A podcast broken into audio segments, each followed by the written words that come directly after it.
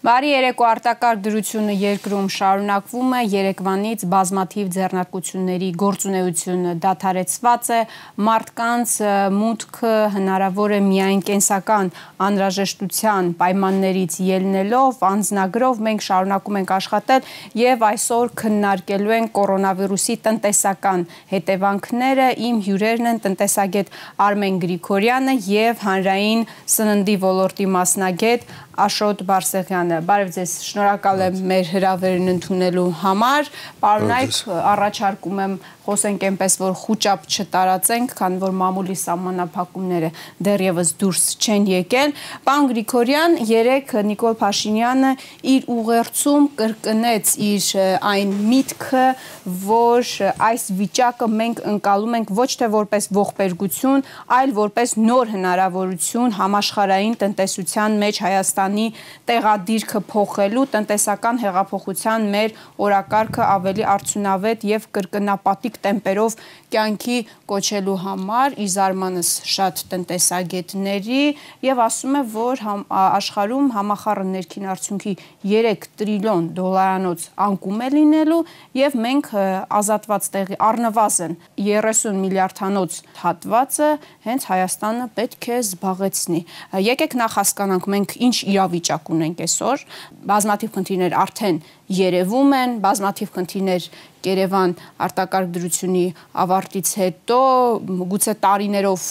այս ամենը տարիների վրա կարող է հետևանքներ թողնել եւ որքանով է իրատեսական համարում, որ սրա մեջ կարելի է նաեւ հնարավորություն տեսնել, խնդրեմ։ Տեսեք, մենք ունենք մի վիճակ, որ որի տնտեսական այս վայրի վերումների հիմքը տնտեսական չի։ Նրա հիմքը բացառապես պայմանավորված է համավարակի տարածման եւ համավարակից եկող իր հետևանքների հետ։ Երեք նաև հարցազրույց էր տվել փոխվարչապետ Մեհեր Գրիգորյանը, ով իր հարցազրույցում ասել էր, որ մենք ճունենք գնահատականներ Հայաստանի տնտեսությունը, թե ինչքան անկում է ապրել, որ ոլորտներն են անկում ապրել, որ ոլորտները հնարավորություն ունեն աշխուժանալու այս տոնայնության մեջ մենք անդրադառնանք համաշխարհային տնտեսությունում ունենալու մեր տեղը չունենալով սեփական գնահատականները, ես իրատեսական չեմ համարում, քանի որ քանի չի Բայց ներողություն խնդրում Փաշինյանն ասում էր որ Հայաստանի պարագայում կանխատեսումներն այս պայի դրությամբ դրական են։ Աճի տեմպը կարող է նվազել, բայց այս պայն դրական է։ Գիտեք, ես չեմ հասկանում, ես չեմ հասկանում աճի տեմպը կարող է նվազել, բայց կանխատեսումը դրական է, այդ արտահայտությունը, ինչպես չեմ հասկանում տնտեսական հեղափոխություն տերմինը, որովհետև հեղափոխությունը եւ տնտեսություն բառերը մեկ նախադասության մեջ ուղղակի չի կարելի օգտագործել տնտեսությունը, տնտեսության վարումը կայունություն է սիրում կանխատեսելիություն, ինչքան երկար, այնքան ավելի արդյունավետ, այնքան ավելի լավ։ Իսկ հեղափոխությունը այս պարագայում փոփոխությունների շրջանի, իսկ կապիտալը ավելի կայուն վիճակ է սիրում։ Ինչևէ, անադառնանք մեր օրվա թեմային։ Նախ խոճապի հետ կապված կան դրվագներ եւ կան առաջարկներ, որոնք պետք է հնչեն, որpիսի չառաջանա խոճապ։ Որքան էլ դրանք լսելը ցավոտ են։ Այո, որքան էլ լսելը ցավոտ են, պետք է այդ այդ առաջարկները հնչեն, գործեն նաև այդ առաջարկների տրամաբանության մեջ, որpիսի հետագայում մենք չունենանք իսկ, իսկապես խոճապ, քանի որ շատերը չեն գիտակցում թե խոճապ ասելով ինչ է նշանակում իմիջիալոց խոճապը կարող է խանգարել մեր երկրի պետական կառավարման, տնտեսական վարմանը։ Կարող է խանգարել նաև տոտալ անտարբերությունը։ Այսինքն այս երկու ծայրահեղությունների մեջ չի կարելի ընկնել, պետք է հստակ գնահատել եւ թեզերը հստակ դնել, որ այս գործողությունների հաջորդականությունը պետք է անենք, որպեսզի մենք ազատվենք օր առաջ մարդկությանը մահաբեր այս COVID-19 կոչված վիրուսից, որը ներթափանցել է նաև մեր երկիր։ Իսկ տնտեսության հետ կապված ես կարծում եմ, որ այն սահմանափակումները, որոնք որ արվել են, նախ հստակ չի երևում, թե ինչ այդ սահմանափակումը ոնց է դրսևորվում, ոնց են հսկում, տեղաշարժերը, տրանսպորտային համակարգը, այն վիճակները, որը որ դուրս ես գալիս փողոց, չես զգում, որ երկրում արտակարգ դրություն է միջդեռ արտակարգ դրությունը որոշակի դեռ մարդիկ կան մարդիկ կան այո այս աշխատանքի ժամի ավարտից հետո նույն երուզերով են ապրում նույն վիճակն է որը անթույլատրելի է այս պարագայում Շատ լավ, դեռ չեք տեսնում, թե ինչպես ենք մենք 3 տրիլիոն դոլարանոց անկումի պայմաններում կարողանալու զբաղացնել այդ 30 միլիարդանոց հատվածը։ Նախ չկա թե 3 տրիլիոն դոլարը որ ոլորտների անկումներն են, նախ չկա թե այդ դա այդ շուկաները որքանով էին ազդեցություն ունենում Հայաստանի վրա եւ Հայաստանը որքանով է գնահատել իր պոտենցիալը, ինչ հնարավորություններ ունի, ինչ խնդիրներ կարող է դնել իր առաջը, ոչինչ չկա ուղակի։ Այդ այդ ուղակի թեզեր են, դա ուղակի թվեր են, որոնք այս բանին ինձ ոչինչ չեն ասում։ Պարոն Բարսեղյան, սպասարկման ոլորտը բավականին կայացած ոլորտ է մեզանում, բայց տպավորություն է, որ ուշ ուշ եղավ սահմանափակումը ռեստորանների, սրճարանների մասով նախ ինչպես է գնահատում դա թեպետ դրան շատ ռեստորաններ եւ սրճարաններ ինքնակամ գնացել էին փակման ճանապարհով ինչպես է դա գնահատում եւ ինչպես է իրավիճակը այս բայդրությամբ գնահատում ինչպես է կարողանալու դուրս գալ սպասարկման ոլորտը այդ իրավիճակից Սկսեմ գնահատականից, գնահատականը իմ պատկերացումով արդեն ծանր է, անկումը արդեն շեշտակի է եւ դեռ գնահատման կարիք կա ժամանակի ընթացքում պետք է գնահատել նայած իրադարձությունները ոնց զարգանան թե այդ անկումը ինչ խորությամբ է լինելու։ Այս պայդրությամբ ես գնահատում եմ անկումը տարեկան մեր շրջանության 30%-ի առնվազն մասով, արդեն այս պայդրությամբ։ Ընդհանրապես բայց մի շաբաթ է որ նաև պետքա որ վերականգնվի։ Մենք տուրիստական սեզոնի շեմին էինք մենք մտել էինք ապրիլ-մայիս ամենաակտիվ ամիսներն են սպասարկման ոլորտում եւ մենք արդեն ունենք անկում եւ սա վերականգնելու պարագայում եւս մենք վստահ եմ որ առնվազն արդեն 30%-անոց անկում ունենք ինչ վերաբերում է արտակարգ դրության հայտարարությանը ապա ոլորտը մեծամասամբ իհարկե բոլորը չէ բայց մեծամասամբ ոլորտի ներկայացուցիչները ընդունում էին նա այս արտակարգ դրության հայտարարությունը այն տեսքով որը մենք ունենք երեկվա հայտարարության դրությամբ այսինքն ոլորտը պատրաստ էր կարանտինի ոլորտը պատրաստ էր փակվելու ավելին ասեմ, ես ինքս բազմիցս բազում ինտերվյուներում ասել եմ, որ ոլորտը միևնույնն է պետք է ի սկզբանե փակել, որովհետև եղանակը ինչքան լավանում է, այնքան մարդիկ ավելի դուրս են գնում։ Բարեբախտաբար մենք ունենք ազգաբնակչություն, որը սիրում է դուրս գնալ, սիրում է հասարակական ոլորտներում ժամանցի վայրերում ժամանակ անցկացնել։ Դեպքում դժբախտաբար, որտեղ արտակարգ դրությունը մտել է, բայց ռեստորանները եւ սրճարանները այո, բարեբախտաբար ոլորտի համար դա զարգացման տեմպերից աճի ֆակտորներից մեկն էր, բայց այս պարագայում հաշվի առնելով, որ մենք ունենք այսպիսի վարվելակերպ, մենք պետք է դա սահմանափակենք եւ ես կողմ եմ եղել սահմանափակելու։ Եվ այսօր մենք ունենք այն, որ պետք է ունենանք արտակարգ դրության հայտարարման առաջի օրվանից։ Սակայն եթե հիշում եք եղանակային պայմանները, անձրև էր, անբարենպաստ եղանակ էր եւ մարդիկ ինստինկտյան դուրս չէին գալիս։ Եվ մենք հիշում ենք այն օրը, այն արևոտ օրը եւ համացանցում տարածվեցին կասկադի նկարները, որ ամբողջ ժողովուրդը նստած է կաֆեներում եւ դա հավելյալ տրիգեր հանդիսացավ այս որոշումը կայացնելու նայենք տնտեսական կողմը, հա, հարցի։ Այո ինչա ինձ ենթադրում արտակարգ դրության հայտարարությունը։ Ես նաև կոչ կանեմ Պարետին հայտարարել ֆորս մաժոր մեր բնակավարի մասով համենայն դեպս հյուրընկալության ոլորտի հյուրանոցներ, ռեստորաններ, հասարակական սննդի ոլորտ, որովհետև միայն այս պարագայում է, որ մենք հնարավորություն կունենանք օրենքով պաշտպանված լինել այն պարտավորությունների կատարմանը, որ մենք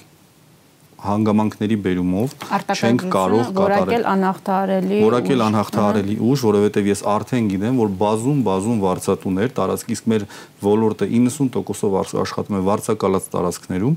մենք ունենք արդեն խնդիրներ շատ վարձատուների հետ։ Չեմ ասում բոլորի, որովհետև կան օրինակելի վարձատուներ, որոնք իրավիճակը ստապ գնահատելով ճիշտ քայլեր են անում, ներելով վարձավճարները, իսկ կան վարչատուներ, որոնք չեն գնում այդ ճանապարհով։ Բացի դա, մենք ունենք մեծ աշխատողների բանակ եւ եթե իրավիճակը չի գնահատվում որպես արտակարգ դրություն, ապա մենք պարտավոր ենք դիտարկել այն եւ կոչ եղավ պետական մարմինների կողմից դիտարկել այն որպես հարկադիր պարապուրտ, որը ենթադրում է 2/3-ով հատուցում աշխատավարձի։ Սա աներևակայելի մեծ բեռ է չաշխատող բիզնեսի համար։ Մենք արդեն ունենք կտրուկ նվազում հաճախելիության, նույնիսկ այն օրերին, երբ կարելի էր հաճախել ռեստորաններ եւ ինչը բնական էր ինչը բնական էր եւ տնտեսապես ավելի շահավետ էր չաշխատել քան աշխատել, որովհետեւ երբ որ դու աշխատում ես, դու ծախսի բեռ ես կրում, հա, եւ եւ այլն եւ այլն հասկանալի է։ Հիմա փաստորեն պետությունը գործատուին ասում է, որ վճարիր աշխատողիդ։ Եվ աշխատանքային օրենսգրքում էլ փաստորեն ուզում են փոփոխություններ մտցնել։ Եթե այս կետի վրա կանգառնենք, հիմա ամենավատ վիճակում ստացվում է, որ գործատուն է հայտնվել։ Ամենաբարդ վիճակում հայտնվել է գործատուն, չի որակվում անհաղթարելի ուժ եւ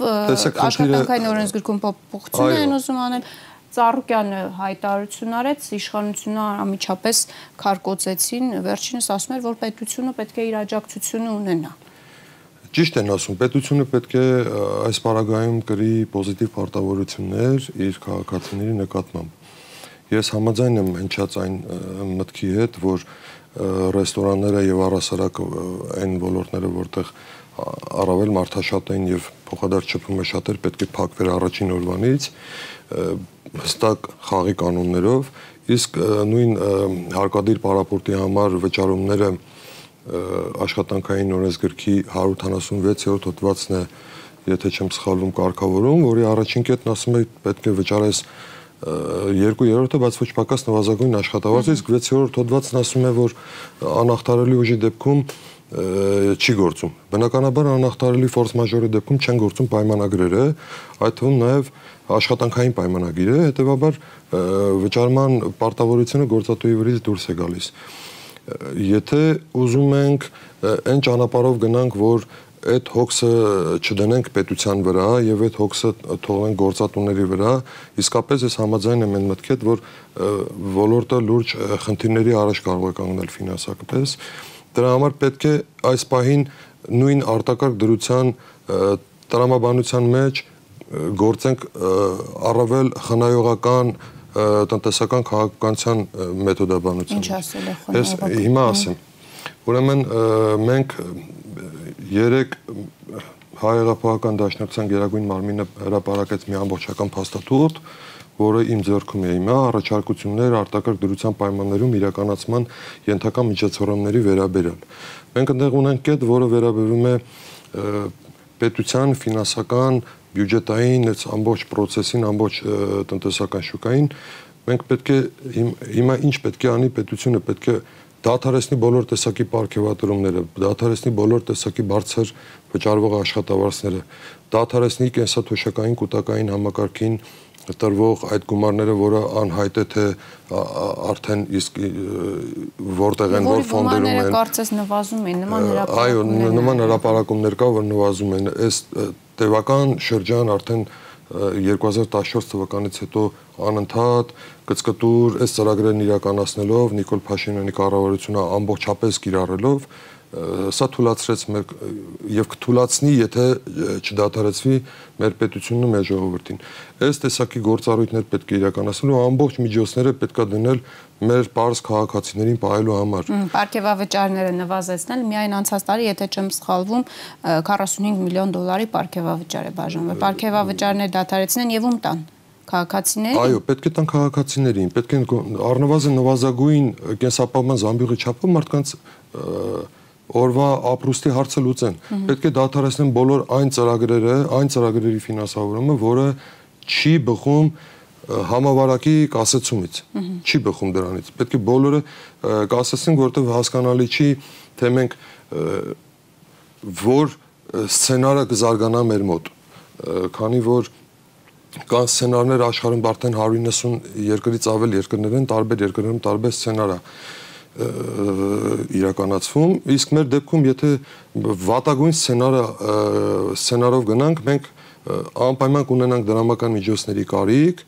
որպեսի առաջին անհրաժեշտության ապրանքների ձեռքբերում անենք մեր ժողովրդի համար։ Հետևաբար մենք պետք է կանխատեսենք, որ կունենանք վատագույն սցենարը, գործենք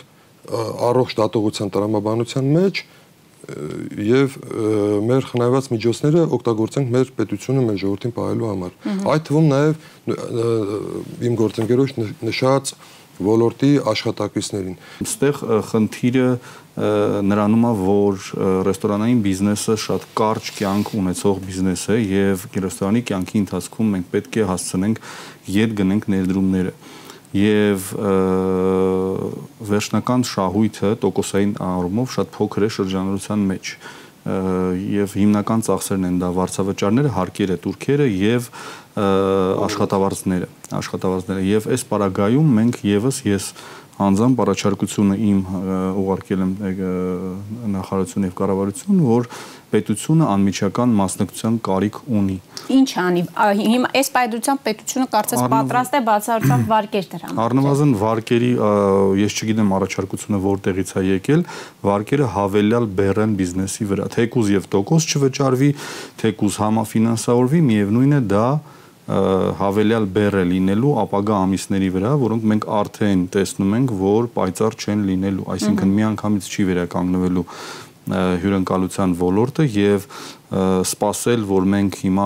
նախքին կանխատեսվող տեմպով կաշխատենք, դա միամտություն կլինի։ Այդ դեպքում բա պարոն Փաշինյանի լավատեսությունը, որ 30 միլիարդանոց հատվածը մենք պետք է զբաղեցնենք, փաստորեն հանրային հանրային առնվազն մեր ոլորտում նոր նոր բարձունքներ գravelու տեղ չկա, մեր ոլորտի միակ աճը դա սպառման մակարդակի բարձրացումն է ինչքան տնտեսությունում սպառման մակարդակը աճի ինչքան տնօրինելի եկամուտը բնակչության աճի այսինքն տնտեսական աճը ինչքան մեծ լինի այնքան ավելի շատ մարդիկ ծախսելու են հանրային սննդի ոլորտում եւս նաեւ երկրորդ մասով դա туриզմի զարգացումն է ինչքան туриզմը զարգանա այնքան մեր ոլորտը եւս զարգանալու է բայց այսօր մենք ունենք հարակից ոլորտ ես շփվում եմ հյուրալուծների միության հետ այնտեղ վիճակը շատ ավելի բարդ է, որովհետև իրենց չեղարկումները ընդհանուր մինչև հոկտեմբեր ամիս են։ Ընդհանուր մինչև հոկտեմբեր։ Այո եւ այս այս պարագայում այնտեղ էլ իրենց ծանրաբեռնվածությունը աշխատավարձային շատ մեծ է։ Այսինքն հույս ունենալ, որ ամռանով հնարավոր է վերականգնել գարնան բացը, ռեալ չէ ստացվում։ Նախ չենք մենք ես հետևում եմ տարբեր երկրների առողջապահական մարմինների եւ պետական մարմինների, որոնք զբաղվում են այս համաճարակի հետևանքների վերացմամբ օպերատիվ խմբերին եւ միշտ չի որ օպտիմիստական կանխատեսումներ կան նաեւ կանխատեսումներ կան մինչեւ աշուն որ իրավիճակը չի շտկվելու հուսանք որ այդպես չի լինի մեծ հույս ունենանք որ արագ վերականգնվի բնականon աշխատանքը համենայն դեպս մեր ոլորտում չկա նոր նիշաներ գրավելու եւ մենք պիտի այլևս հիմա ինձ թվում է միահամուռ կերպով միավորվենք եւ բանակցենք օրինակ վարչատուների հետ որբիզի իջնեն վարչատ վարչավճարներ մի ամոր վարչատուններն էլ իրենց խնդիրը ունեն, չէ՞, այստեղ ակնկալել, որ վարչատուն պետք է բարեգործություն անի եւ նաեւ պետության հետ կնեք, նաեւ պետությունը ունի ոչ թե վարկավորելու խնդիր այսօր, այլ ուղիղ սուբսիդավորման խնդիր, ուղիղ օգնության խնդիր։ Հրաժարվում են դրանից։ Դավիթ Անանյանն ասում է, որ հարկային արտոնություններ եւ հարկային արձակուրդների տրամադրման ձևը Ինձ թվում է մենք տեսեք ինչա քրոնոլոգիան, եթե նայենք արտակարգ դրության առողջապահության նախարարը օրինակ ինչ էր ասում. Լա սթից վիրուսը հեսա կանցնի Աշինյանն էլ ասում ես գնում եմ հա երեխաներին երեխաներին ուղարկում եմ դպրոց, հա, բայց միևնույն ժամանակ չի ուղարկել օրինակ օպերատիվ խմբեր, որոնք բացատրել ռեստորաններին տեղում օրինակով ցույց տան, օրինակ այդ առաքման ծառայությունը, որը գործելու է, ինչ ինչ կանոնների համապատասխան պիտի իրականանա, ոնց պիտի իրականացվի։ Մենք նոր կանգնած զրուցում էինք, որ որոշակի սուպերմարկետից մարդիկ առաքման ծառայություն է եկել առանց դիմակների, առանց ձեռնոցների։ Հիմա հույսը կարծես առաքումների վրա է մեծամասամբ, չէ՞։ Առաքումները չի, ծննդի առաքումը չի արգելվում չի կարող ծածկել ոչ մի բարագայում որովհետև չէ դա առաքման ծառայությունը դա շատ փոքր բոնուս է բիզնեսին եւ ինչքան էլ դա աճի դա չի դառնալու բիզնեսը պահելու դա ընդհանրապես այդքան աշխատողների վարձատրությունը փոխհատուցի իմ խորին համոզմամբ Եվ պետությունը այլ ընտրանք չունի իմ կարծիքով, պետք է ուղիղ սուբսիդավորվի ներվեն վարկերը, օրինակ եթե մենք նույնիսկ ինչ որ փոքր փաթեթով պարտադրվի, այո, փոքր փաթեթ պետք է աշխատողներին վճարել համարենք եթե պարապուրտ է ոչ 2/3-ով, բայց մինիմալ զամբյուղի չափով, բայց առնվազն գործատուի այս դեպքում այս դեպքում իհարկե մենք շատ ունենք գործարներ, որ պատրաստ են դա անել բայց ոչ 2/3-ի չափով պարապուրտի ժամանակ հա ստիպված։ Փոքր ու միջինը կարող է իրեն այդ շռայլությունը։ Բայց առնվազն այս մասով գոնե սոցվճարները եւ հարկերը գոնե պիտի ներվեն հակված չեն այս պայն կարծես։ Այս պայդրությամբ հակված չեն Անանյանի խոսքերը։ Չեն կարող դիմանալ, իսկապես չեն կարող դիմանալ, լավ, եթե ենթադրենք 1 ամիս վճարեցին։ Հետո ինչ պետք է անեն այդ աշխատողի հետ այս այս հարցը պետության հոգսն է։ Մենք ունենք տեսեք ձեր խոսքում նշում եք որ ծրագրեր է իրականացնում, չէ՞, կառավարությունը 150 միլիարդից ներարկվելու տնտեսություն 25 միլիարդը արդեն parza ասում են տալու ենք վարկեր, որ տան հարկերը եւ աշխատավարձները, չէ՞։ Այսինքն տալից մենք դրանով նորից փողը անուղակի տանում ենք ֆինանսական շուկա։ Այո Մենք ֆինանսական շուկան այսօր ամենաապահով դիրքում է հայտնվում այդ դեպքում։ Բա մեր քաղաքացիները բիզնեսը գնում է անկման, մենք բիզնեսին պարտք ենք տալիս, ասում ենք արի քեզ պարտքով մի քիչ ծանրաբեռնենք։ Դու ճիշտ է չես աշխատում, դու համանապակել ես, դու туриզմի ոլորտ ես։ Մենք ո՞նց ենք ասում սիրելի քաղաքացիներ, մի գնացեք այս երկիր, այն երկիր։ Այդ երկրներում էլ են, չէ՞, ասում մի գնացեք, մի լքեք սահմանները, հնարավորինս mm -hmm քիչ դուրս եկեք եւ այլ եւ այլ այս այս ոլորտը ամբողջությամբ անկման մեջ է, անկում ապրում։ Դու իրան փող ես տալի, որ ինքը պարտ կուտակի, որ ինչ լինի։ Ասեմ ինչ լինի։ Ասում է 150 միլիարդ դրամ ենք տրամադրելու, իրականում ոչ թե ճգնաժամային այս վիճակին դիմակայելու, այլ յետ ճգնաժամային աշխարհում մեր հաղթանակները նախապատրաստելու համար։ Ես այդպեսի փաստաթուղթ չեմ տեսել ճիշտ ասած, այդպեսի փաստաթուղթ Կառավարության առաջիկա նիստում, եթե լինի, իսկ այս մեկնաբանությունը 25 միլիարդի մասին է, այն 80 միլիարդի մասին կառավարության առաջիկա նիստում ասացին որ քննարկումներ եւ փաստաթղթեր իսկ հետ ճգնաժամային մենք այսինքն ճգնաժամի մեջ ենք ճգնաժամը դեռ երբ հավարտվելու այդ այսօր ինչի առաջ առաջնահերթություններ կան ծախսերի ծախսերի առաջ մեր ժողովրդին պահելա պետք Մենք այսօր ասում ենք գնանք գյուղատնտեսությունը զարգացնենք, որովհետև հնարավոր է գյուղատնտեսությունը դառնա լոկոմոտիվ, բայց չունենք գյուղատնտեսության նախարարություն։ Այո։ Ասենք որ абսուրդային վիճակներ է, որ ոլորտը իրականացնող քաղաքականություն, իրականացնող գերատեսչությունը չկա, բայց դրա մասին ինչ որ պաթետիկ խոսակցություններ կան։ Հիմա ինչ որ մեկը երևի լսում ասում է թե ես ինչ են խոսում այդ գործառույթները տված է էկոնոմիկայի նախարարության ես ասում եմ չկա այդ ոլորտի իրականացնող քաղաքականություն բայց խթանման լայնածավալ ծրագիր ընդունվելու առաջիկա նիստում թող խթանեն գյուղատնտեսությունը ինչպես գրված է մեր փաստաթղթում բացառապես պետության կողմից ստեղծված ապրանքները գյուղմթերքը գնելու երաշխավորված գնում կատարելով ոչ թե մարդուն տան ասեն քեզ սերմացուի փող ենք տալիս, քեզ ոռոգման ջրի փող ենք տալիս, դու արտադրի, բայց մենք սահմանները փակել են կամ օրինակ Ռուսաստանը վաղը որոշեց չի ընդունում մեր ապրանքը, որովհետև ինքը իր ապրանքը պետքա սպարի ժողովրդում մենք ինչ պետք անենք։ Պետքա երաշխավորված գնում Այսինքն պլանավորված տնտեսության մասին է խոսքը։ Մենք հիմա հանել ենք 25 միլիարդ տալիս ենք վարկ կազմակերպությունների, որոնք որոշակի գործունեություն են իրականացնում, որոնք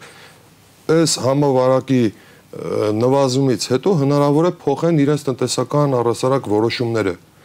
նույն ռեստորանում հնարավոր է որ սկսեն արդեն այն տեսակի բան արտադրել, որը ներմուծում էինք ու չենք կարող հիմա ներմուծել, որովհետև այդ երկիրը չի տալի մեզ։ Ապրանքների անուններ չտամ, հնարավոր է, չէ։ Հիմա մենք փողը տանք այդ այդ մարդուն իբր այդ ոլորտը զարգացնելու համար, այս վիճակում մենք ուղղակի կսպանենք այդ մարդուն։ Այդ մարդու բիզնեսը ուղղակի կսպանենք։ Չի կարելի անհերատես չպլանավորված գործողություններ իրականացնեն, ինչը արդեն տևական ժամանակ ոնց որ թե մեր երկրում դառնում է հաշվարկներ կան ձեր ոլորտի մասով։ Դեռ որքան կարող է տևել այս ճգնաժամը, ինչպես պետք է դուրս գան, ինչպես պարոն Գրիգորյանը ասաց, ենթադրենք գործատուն իսկապես 1 ամիս կարող է վճարել իր աշխատողին, բայց կարող է իրավիճակը ձգվել ամիսներ եւ չգիտեմ, մինչև հոկտեմբեր փաստորեն եթե չեղարկումներ կան, ոնց են հյուրանոցները դուրս գալու այդ իրավիճակից, ինչ հաշվարկներ ունեն, ինչ ծրագրեր ունեն առասարժեշում կրասել, որովհետև ներքին հաշվապահական մաթեմատիկային չեմ տիրապետում, բայց միևնույնն է իրավիճակը ծանր է տուրիստական ընկերությունների մասին չմոռանանք, որոնք էլի իրենց ընդհանուր ծավալով մեծ գործատու են հանդիսանում։ Եվ туриզմը գերակայություն էր կարծես։ Туриզմը հայտարարված է գերակա ոլորտ, չնայած դեռ մեծ անելիքներ կար, որովհետև աճի տեմպերը մեծ էին թվում, բայց թվականակով մեր մոտ туриզմը հիմնականում ցավոք սրտի բաղկացած էր մեր հայրենակիցներով, որոնք գնում գալիս են և туриզմը մեծ զարգացման պոտենցիալ ուներ նաև մեր երկրի համար։ Սակայն մենք հիմա տեսանք, որ անոր, ան, անորոշ ժամանակով այդ աճը հետ ընկավ։ Եվ ան, Հիմա ռեստորանային ոլորտին անդրադառնալով կարող եմ ասել, որ հաշվարկները ես իմ համար տարան բաժանել եմ պեսիմիստականի եւ օպտիմիստականի։ Օպտիմիստական հաշվարկներով մայիսի վերջ մենք կսկսենք բացվել, նորմալ աշխատել եւ սեզոնը արժեվում եք փորձենք որոշ ծախսեր յետ բերել։ Պեսիմիստական հաշվարկներով իհարկե Աստված մի արածց է, չեմ ուզում այդ սցենարը իրականանա, բայց պետք է պատրաստ լինել ամեն դեպքում պետք է պատրաստ լինել ամենավատին։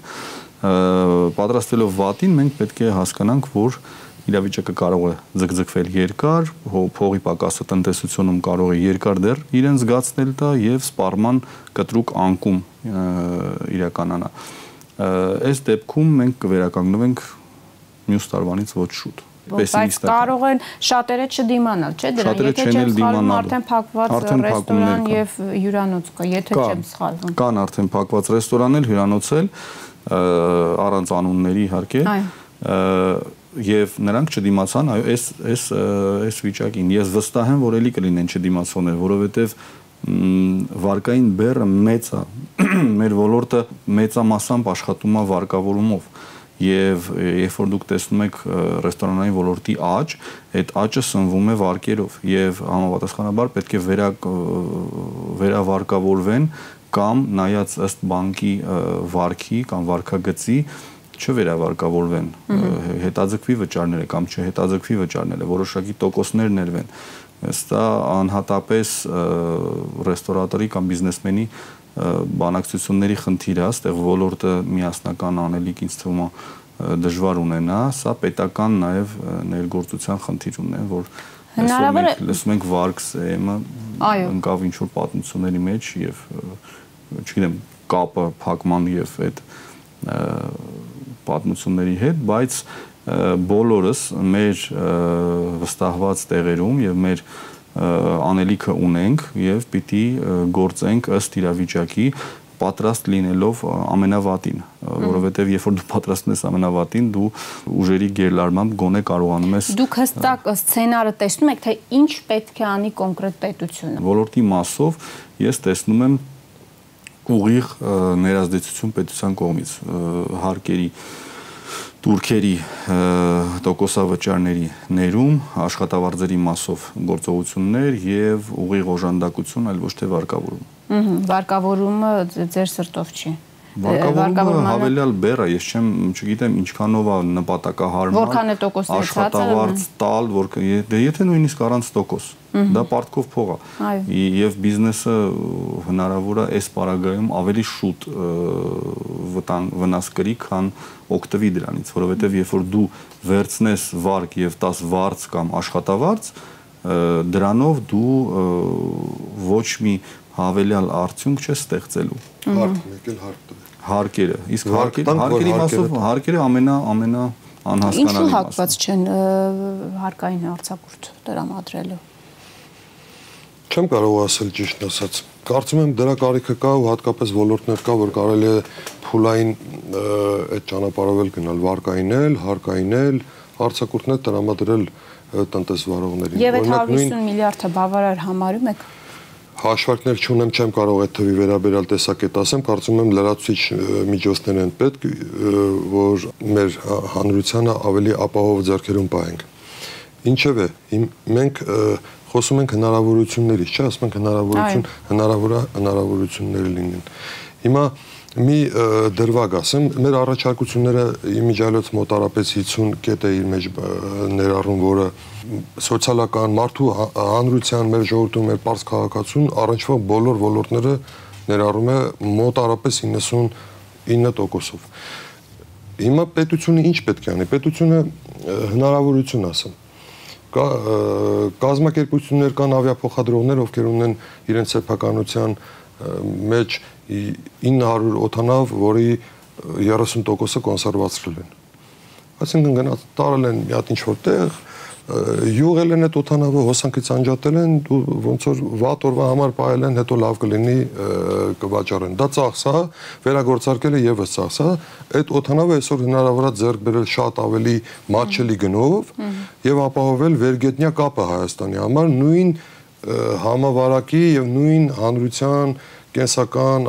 ապահովման տրամաբանության մեջ, բայց մենք չունենք ոչինչ։ Մենք առասարակ ազգ, ազգային փոխադրող չունենք։ Մենք այսօր հնարավորություն ունենք ձեռք բերելու մի քանի օտանավ, որը պայմանական թվեր ասեմ, առնենք պայմանական 15 միլիոն դոլարով 4 օտանավ, որը արժի 60 միլիոն դոլար, բայց ինքը իրականում գույքը լինի 400-500 միլիոն դոլարանոց գույք։ Հնարավորություն, չէ՞ ու այս տեսակի բաները պետք անել մեծամասշտաբ ու պետությունը պետք է այս գործողությունները ամբողջ ամբողջությամբ ծառայեցնի այս փուլում վարակի հաղթահարմանը չկա այս տնտեսական վիճակին այլ հիմք բացի վարակը համավարակը կասեցնելը մեր առաջնահերթ խնդիրն է դրանից հետո չկա մի 10 կետ 11-րդից նոր սկսում են մնացածը մենք ուղղակի կարող է այնպես վիճակի հասնենք որ Աստված չանի իհարկե մեր վարակակիրների քանակը ավելացա, մենք այդքան սպասարկող բուժանձնակազմ, տեղ, դեղորայք եւ այլ եւ այլ ու մենք շատ վատ վիճակի կայքում։ Կա կարծիք, որ քայլեր իշխանությունը ճիշտ է անում, բայց ուշացումով է անում։ Այո։ Տնտեսության մասով նույն նույն օրինակը գործընկերս որ բերեց ռեստորանները հանրային ցնդի ոլորտը պատրաստ էին առաջին օրվանից անեն, այդ այդ մարդիկ բիզնեսմեն են, այդ մարդիկ վաղը այս համաճարակից հետո այդ մարդիկ հնարավոր է իրենց ռեստորանի ճակատին գրեն այստեղ չի եղել կորոնավիրուս COVID-19-ի օջախ։ Խնդրի արչև կանգնած այսօր փոքր ու միջինը, թե նաև խոշորը եւ հնարավոր է իրավիճակից խոշորը օգտվի փոքր ու միջինի հաշվին, թե այս արտակարգ դրության պայմաններում որևէ մեկը երաշխավորված չէ եւ որպես ամփոփում ինչպես դուրս գալ այս ամենից ձեր կանխատեսումները Ես նաև փոքր եւ միջին բիզնեսի փոքր եւ միջին ձեռնարկատիրության ասոցիացիայի հետ եմ կապի մեջ անմիջական, այնտեղ էլ իրավիճակը գնահատվում են ծանր, որովհետեւ գիտեք փոքր միջին ձեռնարկությունները չեն կուտակում ֆինանսական մեծ բարձիկներ, որոնց իրենք որոնք իրենց թույլ կտան ֆորս մաժորային դեպքում գոյատևել, երկար գոյատևել եւ իրենց եկամուտները բաշխում են շատ ավելի մանր ֆինանսական կտորներով։ Դա արժև իրենք են բացառապես կանգնելու, թե նաև խոշորը։ Խոշորը իր հերթի, խոշորը հնարավորություն ունի նաև մեծ բանակցությունների, հա, խոշոր բիզնեսները իրենք իրենք էլ են մեծ վարկավորում պահանջող բիզնեսներ եւ պետք է խոսալ ըստ ոլորտի գնահատական տալը ծանր է եւ ես չեմ վերցնի այդ պատասխանատվությունը։ Իհարկե ռիսկը վերաբերվում է բոլորին։ Ահա։ Ոնց եւ ոնց դուրս գալ այս իրավիճակից որպես ամփոփում։ Որպես ամփոփում ես նորից ստիպված կլինեմ կրկնել այն թեզը, որ պետությունը անմիջական ուղակի ներգործության պարտավորություն ունի, որովհետև մենք պետության հետ գործընկերային հարաբերությունների մեջ ենք։ Մենք պարտավոր ենք վճարել հարկեր եւ այդ հարկերը վճարում ենք։ Մենք պարտավոր ենք կատարել մեր պարտականությունները պետության հանդեպ եւ համարում ենք, որ պետությունն էլ ունի փոխադարձ պարտավորություն փրկելու անելանելի վիճակում հայտնված սուբյեկտներին, որոնք տարիների ընթացքում կատարել են իրենց պարտավորությունները պետության հանդեպ։ Պարոն Գրիգորյան, ինչ պետք է անենք, ինչպես պետք է դուրս գանք ստեղծված իրավիճակից եւ եթե կարելի նաեւ վարկսեյեմ վարկային կազմակերպության լիցենզիայից զրկեց կենտրոնական բանկը բավականին աղմկոտ ունիվերսալ կազմակերպություն է սա աղմուկ հանած Վարկսեյմի լիցենզիայից զրկելու մասին մի հոդված կարդացի, որը վերաբերում է ինչ որ նախորդ տարվա դեկտեմբերի ինչ որ ֆինանսական եւ այլ եւ այլ, բայց դա այսօր բերելու, այսօր իրականացնելը բացառապես Facebook-յան գրառումների արդյունք է։ գրառում եմ դժգոհությունը բավարարելու Այո, այդ այդ դժգոհությունը բավարարելու արդյունք է, եթե խախտում ունի, թող պատասխան տա։ Ես Վարքսայեմի հետ երբևէ չեմ առնչվել, երբեք չեմ իմանում այդ մարդիկ ովքեր են ու չգիտեմ ինչով են զբաղված։ Բայց անընդհատ տեսնում եմ վերջին շրջանում որ Վարքսայեմը պարոն վարչապետ մի բան արեք, այս Վարքսայեմը թալանեց մեզ եւ այլ եւ այլ։ Սա ընդհանրապես այդ մարդկանց ցանկությունները բավարարելու արդյունք է։ Սա իմ քաղաքական գնահատականն է։ Մասնագիտական գնահատական չունեմ, որովհետև խորքային չեմ տիրապետում ու ճիշտ էլ չի լինի այս բանին ասել։ Ես նորից եմ ասում, եթե մեղավոր է, թող պատասխան տա։ Բայց հանրային տրամադրություն, հանրային տրամադրությունները Հանրային տրամադրությունները շատ փոփոխական են։ Որքան են ունիվերսալ կազմակերպությունները Գիտեք, հանրային տրամադրությունները շատ փոփոխական են եւ հանրային տրամադրություններով պետություն չես կառուցի։ Պետություն պետք է կառուցես երկարաժամկետ ծրագիր ունենալով միջոցառումների պլանով, միջոցները եւ դրա համար պատրաստի մասնագիտական կարողություններ ունեցող կադրերով։ Մենք պետք պետք է այդ այդ մեկ այլ հաղորդում են քննարկելու բան է թե որը ունենք, որը չունենք կամ որի տիճկանն է մեր մոտ պակասը։ Իսկ տվյալ վիճակում մեր թե խոշորի, թե միջինի, թե պետական ոչ առևտրային կազմակերպ բոլորի վիճակը վատ է հիմա։ Հիմա այս համավարակը ամեն մեկի վրա գործնության վրա որոշակի ձևի